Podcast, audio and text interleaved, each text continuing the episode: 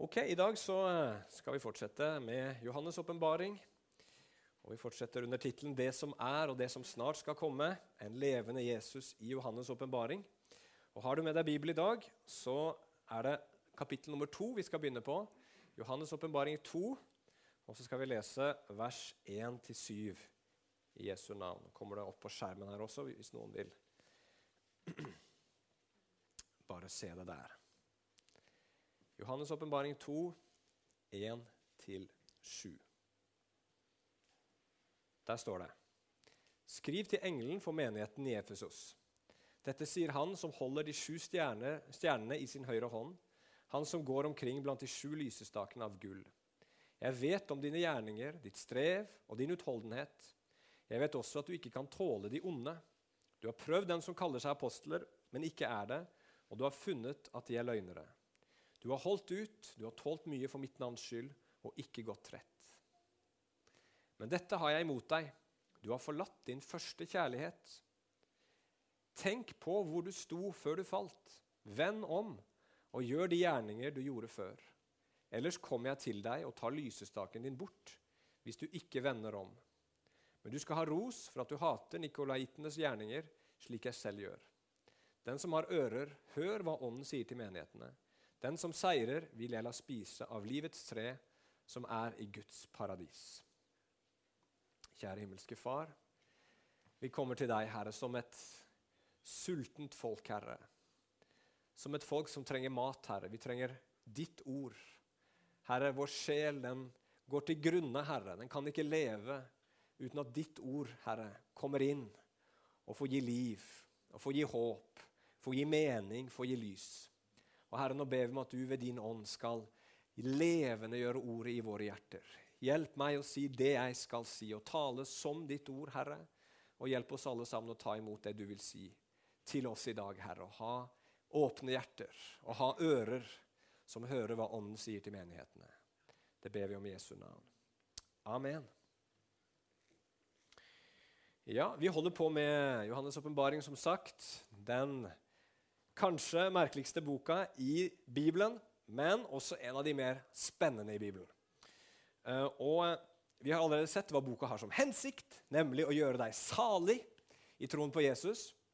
Og så har vi også hørt litt om det synet av Jesus som Johannes fikk. det vi om sist gang, Som var så overveldende at Johannes gikk i bakken. Men Gud reiste han opp og ga han et oppdrag. Og Det første oppdraget Johannes får, det er at han skal skrive syv brev til syv menigheter i det som er dagens Vest-Tyrkia. Her ser dere et lite kart. Eh, det området ble på den tiden kalt for Asia, eller Lille-Asia. Når du leser Asia i Bibelen, så må du ikke tenke liksom Kina og, og, Japan, og alt det der, men det er, i Bibelen så er Asia sånn. Mer eller mindre da Tyrkia. Og I, disse, i, i Vest-Tyrkia, som ikke er så langt fra Patmos, som dere kan se eh, på det bildet der, hvor eh, Johannes var som fange da han skrev dette, så ligger det syv byer. altså da. Efesus, Smyrna, Pergamon, eh, og så er det Tyatira, Sardes, Philadelphia og Laudikea. Og Det er bare to av disse navnene som blir brukt i menigheter. Og det er fordi det er de eneste menighetene som ikke får noe kritikk. Og når vi ser på det her, så er det lett å tenke at ok, her er det syv brev til syv menigheter, sånn som vi ser syv eh, brev, til, brev, til, menigheter andre steder i Det nye testamentet òg. Men siden Johannes' åpenbaring er en spesiell bok, full av symboler og, og, bilder, og sånn, så er det noen som har tenkt at disse syv menighetene her, de representerer syv tidsepoker som de kristne har gått gjennom i historien. Så for Den første menigheten, Efesus, som vi nettopp leste om nå, de som eh, er veldig rettroende og gjør mye rett, men har forlatt den første kjærligheten, de mener man da er den første menigheten fram til ca. århundre. Og Så kommer det en menighet etterpå som heter Smyrna. De får ingen kritikk, som jeg nevnte, eh, og de må lide mye for Guds navns skyld. Og da tenker man Det er den menigheten som da eksisterte under forfølgelse i Romerriket fram til 313, sånn cirka, hvor eh, det ble litt andre tider for de kristne i Romerriket, og de ble tolerert på en, på en, annen måte og etter hvert fikk eh, offentlig eh, aksept. Eh, jeg tror ikke at det er en god måte å, å, å, å lese dette her på. Noen gjør det, og derfor tenkte jeg det kan, kan være greit for dere å være klar over det, at noen tenker at disse, her, disse menighetene representerer epoker. Men jeg tror som sagt ikke at det er noen god grunn til å tro det. For det første for at det står ingen steder i Johannes' åpenbaring at, at, dette skal representere tidsepoker på noen spesiell måte. Og for det andre fordi at ingen epoker er like alle steder. Altså, Hva skal vi si om vår egen epoke? Er vår egen epoke en epoke av frafall eller av hellighet og overgivelse til Jesus? Hva tenker dere? Ja, ikke sant? Begge deler. Spørs hvor du er. Er du i Danmark eller er du i Kina? liksom? Unnskyld, Danmark. Det var ikke stygt ment. Men eh, det er variasjoner hele veien. Så Derfor så tenker jeg det beste er bare å tenke på disse menighetene som menigheter. Som våre menigheter akkurat nå, som går gjennom utfordringer, vanskeligheter og problemer og fristelser, prøvelser, og som får formaninger fra Jesus. Som trenger formaning fra Jesus. Akkurat som oss. Vi går gjennom forskjellige prøvelser. Vi svikter på noen områder. Og så trenger vi at Jesus kommer, og så gir han oss eh, formaning og viser oss veien. Så dette her er heller tilstander tenker jeg, som menigheten kan være i i forskjellige tider forskjellige, på forskjellige steder. Så Vi skal kikke litt på egentlig alle disse menighetene i dag. Men vi skal ha spesiell fokus på Efesus. Jeg kommer ikke til å bruke mer tid i denne serien på disse menighetene enn den ene talen her. Eh, og Tittelen i dag er som dere så, 'Jesus på inspeksjon'. Og Vi skal snakke om tre ting som Jesus gjør når han er på inspeksjon i våre menigheter og i våre liv. For det første så er det sånn at Jesus han ser alt. For det andre så advarer Jesus. Og for det tredje, og det er punkt nummer tre da, så tilbyr Jesus nåde. Jesus ser alt, Jesus advarer, og Jesus tilbyr nåde. Ok, Da begynner vi med punkt nummer én. Jesus ser alt. I det vi leste i dag, og som vi så sist gang òg, når vi snakka om den visjonen av Jesus som Johannes fikk, så står det at Jesus han går mellom lysestakene. Og det er jo litt sånn rart. Hvilke lysestaker er det? Jo, det fant vi ut sist gang. Lysestakene sto for menighetene. Og så så vi også sist gang at Jesus, når han gikk mellom disse lysestakene, så hadde han øyne som av ild. Så det som vi blir forklart her, det er at Jesus han går midt i sin menighet, midt blant sitt folk, og så ser han absolutt alt med sine ildøyne. Sånn er Jesus. Ingenting er skjult for han. Han ser nøyaktig hvem du og jeg er. Det som vi eh, kan skjule for andre, det klarer vi ikke å skjule for han. Han ser oss når ingen andre ser oss. Han vet hva som befinner seg innerst inne i vårt hjerte. Ja, Han vet til og med de tingene som du og jeg kanskje prøver å skjule for oss selv. Kanskje til og med lykkes og lure oss sjøl med. Han kjenner deg og meg bedre enn det vi kjenner oss sjøl. Det sier Bibelen. Sånn er Jesus. For så sier jo Bibelen at alle mennesker innerst inne vet at Gud fins. Men så har de undertrykt den sannheten.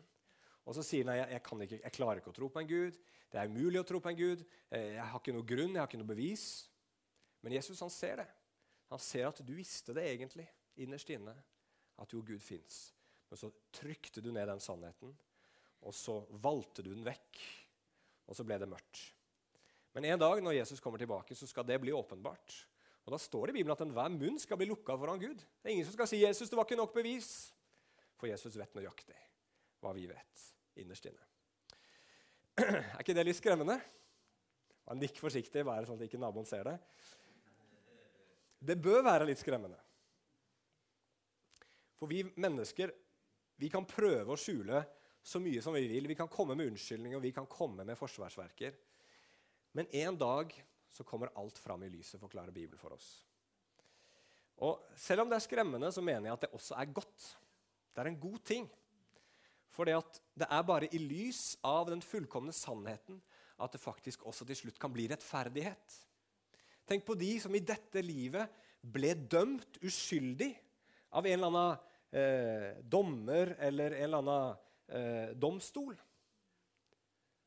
Og så blir de frikjent den dagen sannheten kommer for en dag og Jesus kommer tilbake. Eller de som slapp unna, som aldri ble tatt, eller ble frikjente. En dag så blir de tatt. De slipper ikke unna for Gud. Han ser absolutt alt. Og det vi skjønner her, når vi leser det her, det er at Jesus han ser til og med alt i de kristnes liv. Og Her er det litt viktig å holde tunga rett i munnen. For vi kristne vi sier at når Gud ser på oss, så ser han Jesus. Og det er sant, men det kan misforstås. Noen, noen mennesker tenker at hvis, hvis, det er sånn at når Gud ser på meg, så ser han Jesus, så er jeg på en måte bare inni en boks. Og den boksen står det Jesus på. Og når Gud ser på meg, så ser han bare den boksen. Og hva jeg gjør inni den boksen, det vet Gud ingenting om. Men eh, hvis det var sånn, så ville jo det betyde at da har det jo ingenting å si hvordan jeg lever mitt, mitt liv. ikke sant? Var det sånn, så, så om jeg liksom levde i synd og ikke brydde meg noe om Gud noe særlig, og, og, gjorde akkurat sånn som jeg ville, så ville Gud aldri få greie på det. Eller om jeg faktisk prøvde å leve et hellig liv og ønska å bli bedre kjent med Gud og, og, og liksom ville bli mer lik Jesus, så ville ikke Gud lagt merke til det heller. Det ville jo vært litt demotiverende for det kristne livet. Men vet dere hva? det er ikke sånn i Bibelen. Det står her i det vi leser nå, at Jesus vet om våre gjerninger. Han vet om hva vi gjør som kristne. Han ser alt sammen. Og det fine med det er jo at akkurat som han kommer til Efeser-menigheten her, da, så berømmer han dem, og han berømmer oss for det som er bra. Han sier, 'Jeg vet om gjerningen deres. Jeg vet at dere sliter, at dere kjemper, at dere arbeider.' Tommel opp, sier han. 'Jeg vet at dere ikke kan tåle ondskap.' Det er bra, sier Jesus. Jeg vet at dere har prøvd noen som påstår at de er apostler, altså at de har en spesiell utrustning og autoritet fra Gud. Men dere har funnet ut at de er ikke det. Dere har, dere har gjort en god jobb der òg. Jeg vet at dere hater disse nikolaittene. Og de vet vi egentlig ingenting om.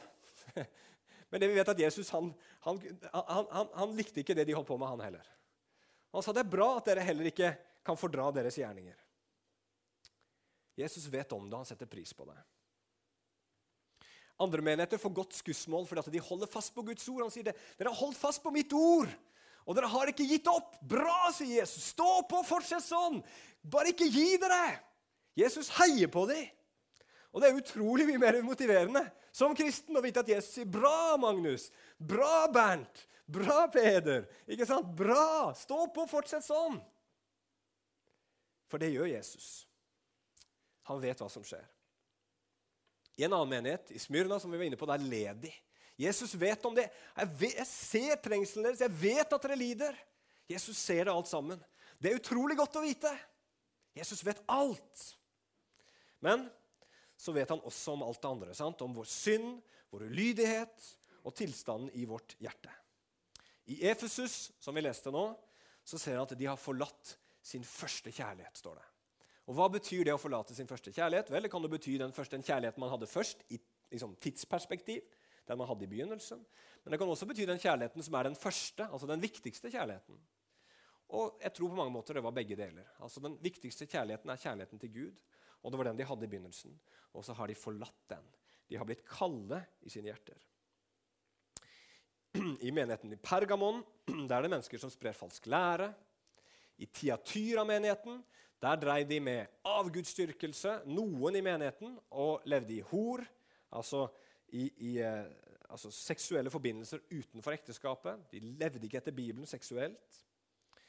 I Sardes så var menigheten død, står det. Eller iallfall døende. du er litt usikker. Men på overflaten så tenkte alle at den var levende. Og så har du menigheten i Laudikea, som vi sikkert har hørt om før. Og det er ingen menigheter i noensinne i historien som har tatt det navnet. i hvert fall. For det var menigheten som var lunken, og som eh, trodde de var rike, men Jesus sa de er egentlig veldig fattige, åndelig sett. Og da Er jo spørsmålet, er det bra at Jesus ser dette her? Er det bra at Jesus har sånne laserøyne som kan gjennomskue oss? Ja, det er veldig bra. Det er bra fordi Jesus han ser konsekvensene, og derfor så kan han også advare oss. Jesus han går på inspeksjon, skrev jeg som tittel her. Jesus på inspeksjon. Og Hvorfor er det noen går på inspeksjon? Du har f.eks. Mattilsynet. ikke? De går på inspeksjon fra tid til annen. Og så får restauranteiere enten et smilefjes eller en helt sånn rett munn, eller et, en, en, negativ eh, sånn sur munn, da, eh, hvis det, ting ikke er sånn som de skal. Hvorfor går Mattilsynet på, på inspeksjon? Jo, fordi at det kan være dårlig hygiene i restauranten, og da blir det bakterier, og mennesker kan bli syke. Med andre ord det har konsekvenser. Mattilsynet går på inspeksjon for å hindre at de negative konsekvensene skal skade mennesker. Og når Jesus går på inspeksjon, så er det for å hindre negative og alvorlige konsekvenser i menigheter og i våre liv. Derfor går Jesus på inspeksjon. Menigheten i Efesus hadde alt på stell, bortsett fra denne første kjærligheten som vi snakka om. Det står til og med at Jesus hadde det imot dem. Jeg har dette imot deg, at du har forlatt din første kjærlighet. Hva sier Jesus da? Hva er konsekvensen? Jo, han sier hvis du ikke omvender deg, så vil jeg brått komme, og så vil jeg ta lysestaken vekk fra ditt sted. Det betyr, Han sier at hvis ikke dere gjør noe med dette, her, så er det så alvorlig at da vil lysestaken, altså dere vil slutte å være en menighet, sier han. Men Jesus, da er du ikke, er du ikke nådig. Jesus er nådig, og som dere så på punkt 3, vi skal ta det. Men la meg først prøve å forklare litt hva som skjer her. For det er ikke sånn at Jesus står her og tenker OK, Efesus, ja. Skal jeg ta bort den der lysestaken eller ikke? Skal jeg være grei med det, eller skal jeg være litt streng? Det er ikke sånn Jesus gjør. Jesus han kommer og forklarer rett og slett bare hvordan ting er. Det er sånn ting er, og det er den konsekvensen som nødvendigvis vil komme. Det kan ikke skje noe annet. Det er ikke jeg som sitter her og velger om jeg skal ta vekk lysestaken eller ikke. Hvis dere ikke elsker Gud, så er dere ikke lenger en menighet. Det er bare sånn det er. Og det er den tilstanden som dere er i akkurat nå, og dette er konsekvensen. Det er uunngåelig hvis dere ikke vender om, sier han. Det er litt som om Jeg har ikke opplevd det sjøl, jeg vet ikke om noen har opplevd det, men hvis du har en sønn da, Det er jo ofte sønner som gjør sånne ting. Som kjøper seg en fugledrakt. De selger jo sikkert ikke det, for, for de vet at det, det, kan skape problemer. Men hvis du kjøper deg en fugledrakt, og så skal sønnen da opp på taket og prøve fugledrakten sin Hva gjør du da, hvis du er en god far eller mor? Jo, du sier, 'Kjære sønn, det fins noe som heter tyngdekraften.' Og den er 100% pålitelig. Den kan du stole på uansett. Den slår inn. Du kan ikke komme utenom tyngdekraften. Og den fugledrakten din den kan ikke oppheve tyngdekraften, den heller. Og Hvis du hopper ut der med den fugledrakten, der, så går du rett i bakken. 100% sikkert. Og Da må du kalle din sønn da til omvendelse. Venn om, ikke gå opp på det taket og hopp, for det går ikke bra. Det er en uunngåelig konsekvens. Sånn er bare situasjonen. Sånn er virkeligheten. Jeg ser det, jeg vet det. Så pass på, ellers så går det galt. Og Sånn er det med Jesus òg. Han ser nøyaktig hva det er, og hva som er konsekvensen. Derfor så advarer han. Og I alle menighetene så var det ikke i alle menighetene, men i mange av menighetene så var det synd av forskjellige slag. Og Jesus advarer alltid på samme måte. Hvis dere ikke vender om, så blir det konsekvenser. Hvis en menighet f.eks. går bort fra Guds ord og inn i falsk lære, hvis kristne begynner å elske andre guder i sine hjerter, hvis man slipper til seksuell synd eller annen synd, hvis hjertene våre blir kalde og lunkne for Gud, og vi bare fortsetter i det, sier Bibelen, så går det nødvendigvis galt. 100% sikkert. Det sier Bibelen fra begynnelse til slutt. Og det fører til evig dom, evig død. Om mennesker kaller det synd eller ikke, om, om, om, om, verden kaller det synd, om noen som kaller seg kristen, sier det ikke er synd, det har ingenting å si. Virkeligheten er virkeligheten. Sannheten er sannheten, og konsekvensen er den konsekvensen det blir uansett. Og Derfor så sier Jesus 'venn om'. Han sier 'venn om' for han vet, og for han vil det beste. Og Her er spørsmålet. Vil vi som menighet, og vil du som enkeltperson, lytte? Vil du lytte til det Ånden sier til menighetene? Vil du lytte til det Ånden sier til deg? Ja, Hva sier Ånden til meg da? Eller hva sier Ånden til menighetene? Ja, det kommer an på. Det kommer an på. Det kan hende Jesus, alt han har å si til deg, er bare kjempebra. Du er god, du er trofast. Stå på, fortsett sånn! Så skal du vinne livets krone. Sånn som han sa til menigheten i Smyrna eller i, i Philadelphia. Men vi kan også risikere å høre Jesus si, 'Jeg har dette imot deg'. Er du og jeg villige til å la Jesus si disse ordene til oss? Er vi villige til å høre? Og si, 'Jesus, er det noe du har imot meg?' Eller vil vi helst høre det trengs ingen forandring, alt er i orden, det er bra? Jeg kunne jo stått her søndag etter søndag og bare sagt det. Jeg hadde sikkert fått flere på møtet da. Alt er i orden, alt er bra.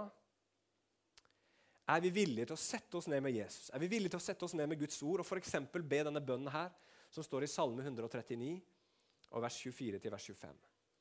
Ransak meg, Gud, og kjenn mitt hjerte. Prøv meg, og kjenn mine tanker. Se om fortapelsens vei har inntatt meg, og led meg på evighetens vei. Mitt, hel, mitt, mitt helhjerta råd til oss alle sammen, det er vær dønn ærlig. Vær dønn ærlig med Jesus.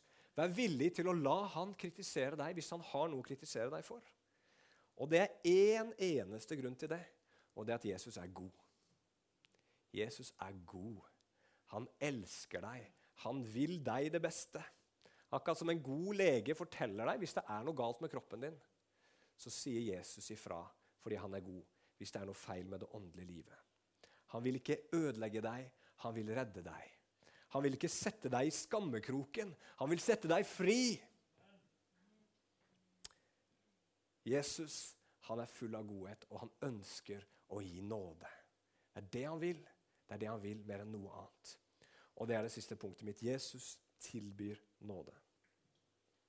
Og det ordet der, nåde, det er fantastisk. Det er et nydelig ord.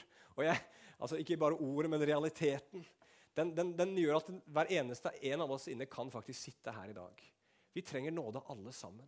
Det er ingen her inne som kan si 'nei, ikke i dag'. I dag klarte jeg meg uten nåden. Huh, det var bra. Nei, hver eneste dag trenger vi Guds nåde. Men hadde det vært nåde hvis Jesus kommer til menigheten i Efesus, og så sier han OK, hør her. Det er ikke så farlig om dere elsker Gud eller ikke. Altså, Hvis dere elsker Gud, så er det fint. Hvis dere ikke elsker Gud, OK, det går bra, liksom. Hadde det vært nåde? Det hadde ikke vært nåde hvis du har skjønt hva himmelen virkelig er for noe. For himmelen, hva er det? Jo, himmelen, det er å være sammen med Gud, som man elsker, i all evighet. Det er det som er himmelen. Å være sammen med en Gud som man elsker i all evighet. Da blir det himmel. Hvis ikke Gud er der, så blir himmelen en veldig fin plass, omtrent som å være på ferie all inclusive, hvor du får absolutt alt. Men det tar ikke så veldig mange ukene før du bare kjenner at det her er fullstendig tomt. Jeg orker ikke mer. Og Hvis du var på ferie all inclusive i all evighet, da tror jeg hadde, det hadde blitt et helvete. altså. Eller hvis du kommer til himmelen, og Gud er der, men du ikke elsker han, da hadde det blitt et fryktelig ulykkelig tvangsekteskap. hadde det ikke det? Hvis himmelen skal bli himmelen, så må vi elske Gud mer enn noe annet. Men så sier vi sant, men det er jo ikke så lett å elske Gud. Og det er helt riktig, det er til og med umulig. Det er umulig for en synder som meg å elske Gud. Derfor så er himmelen ifølge Bibelen umulighet for absolutt alle mennesker. Ingen av oss er verdig i himmelen. Ingen av oss kan være i himmelen. Men så sender, Jesus, eh, sender Gud Jesus. Sender Gud sin sønn. Der er håpet. Og Det står i Bibelen at Gud viser sin sønn, eh, sin kjærlighet til oss ved at han sendte sin sønn da vi ennå var syndere.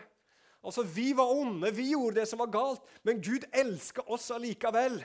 Og så døde Jesus for våre synder, så at vi ikke skulle bli dømt, så vi skulle bli frikjent.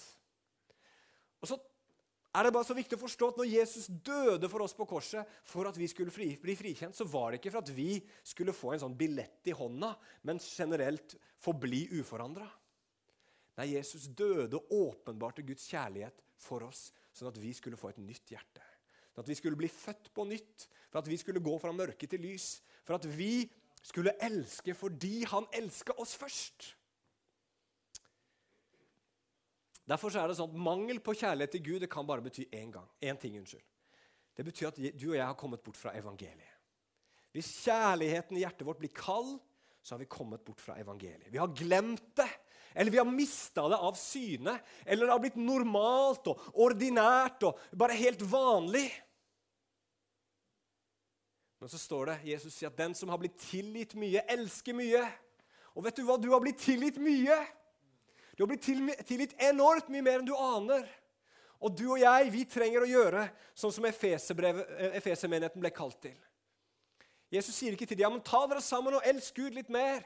Men han sier til dem husk på hvor dere falt fra, eller tenk på der dere falt. Hvor var det de falt? Hva var det de glemte? Hva var det de hadde i begynnelsen, men som de kom bort ifra? Jo, de hadde blitt berørt av evangeliet.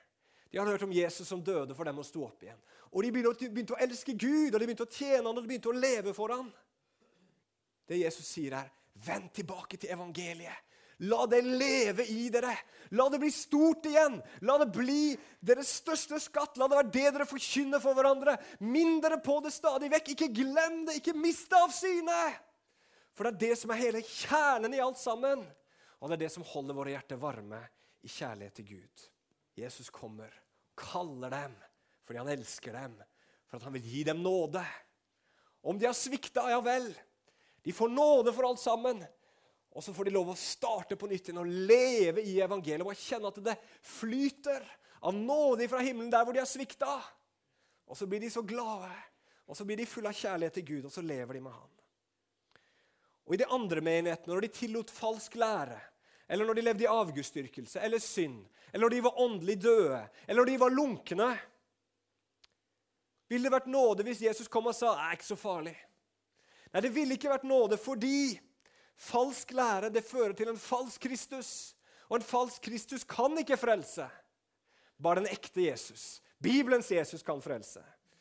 Avgudsdyrkelse det er å sette sitt håp til de skapte tingene, som ikke kan frelse, i stedet for Gud, som har skapt alt, og som kan frelse.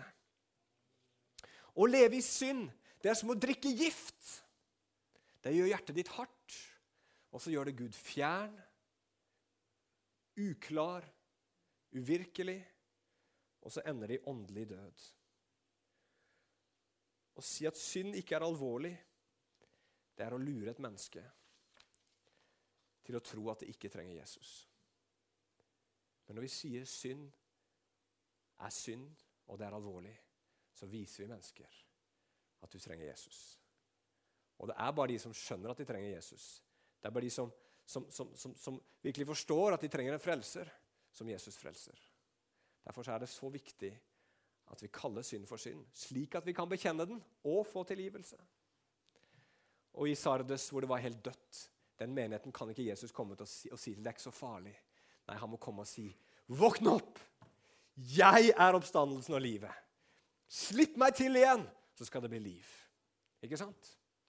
Det er fullt av nåde i disse brevene. her. Jesus kaller folket til å vende om, så han kan øse ut av sin nåde til dem.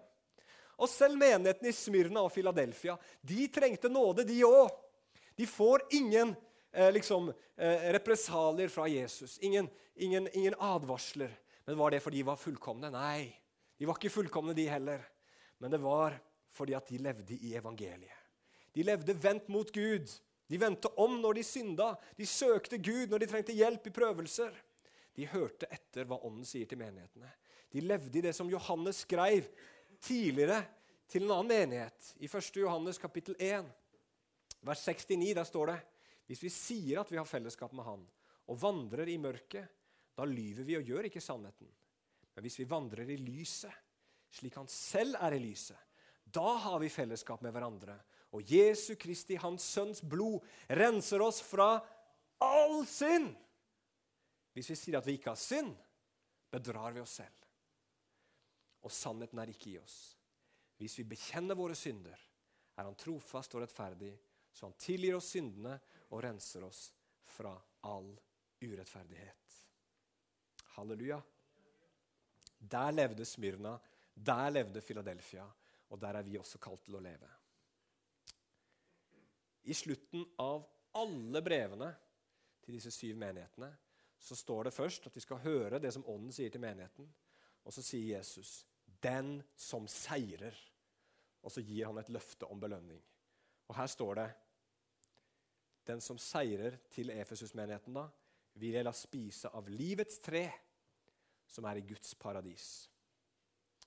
Jesus kommer på inspeksjon i menigheten fordi han vil at de skal få seire. sånn at de kan få spise av livets tre. Og hva er livets tre for noe? Jo, Livets tre finner du helt i begynnelsen av Bibelen. Det var i Edens hage. Det var ikke det som ble kalt for tre til kunnskap om godt og ondt, men det var et annet tre. Så hvis man spiste av det, så skulle man leve evig. Så Jesus sier den som seirer, han skal få leve evig.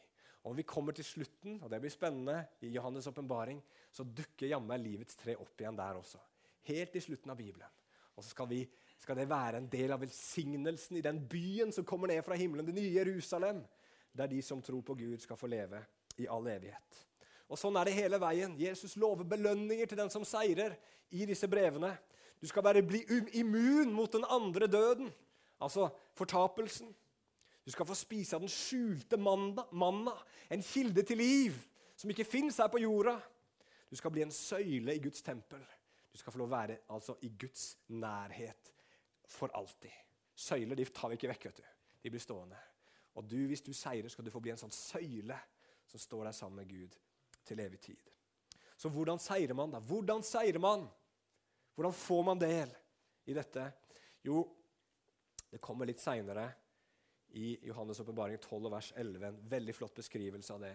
Der står det om de som seira, at de har seiret over ham, og det er den onde, i kraft av lammets blod og i kraft av sitt vitnesbyrds ord og det hadde ikke sitt liv kjært like til døden. Jesus sitt blod, Jesus sin seier på korset. Det er den seieren som blir vår seier også. Derfor så bekjenner vi han. Derfor vitner vi om han. Derfor elsker vi han mer enn livet. Og i det ligger seieren. Og Helt til slutt her så er det en veldig flott detalj som jeg synes jeg skulle ta med, som bare beriker disse ordene her. Når Jesus sier til menigheten i Efesus at de skal få lov å spise av livets tre, så brukes det et spesielt ord på gresk her for tre som er litt uvanlig. Det vanlige ordet på gresk det er dendron. Og det har dere hørt før. Rododendron. Men her brukes det et annet ord, som er xulon. Det er ikke så veldig viktig, det har vi aldri hørt før.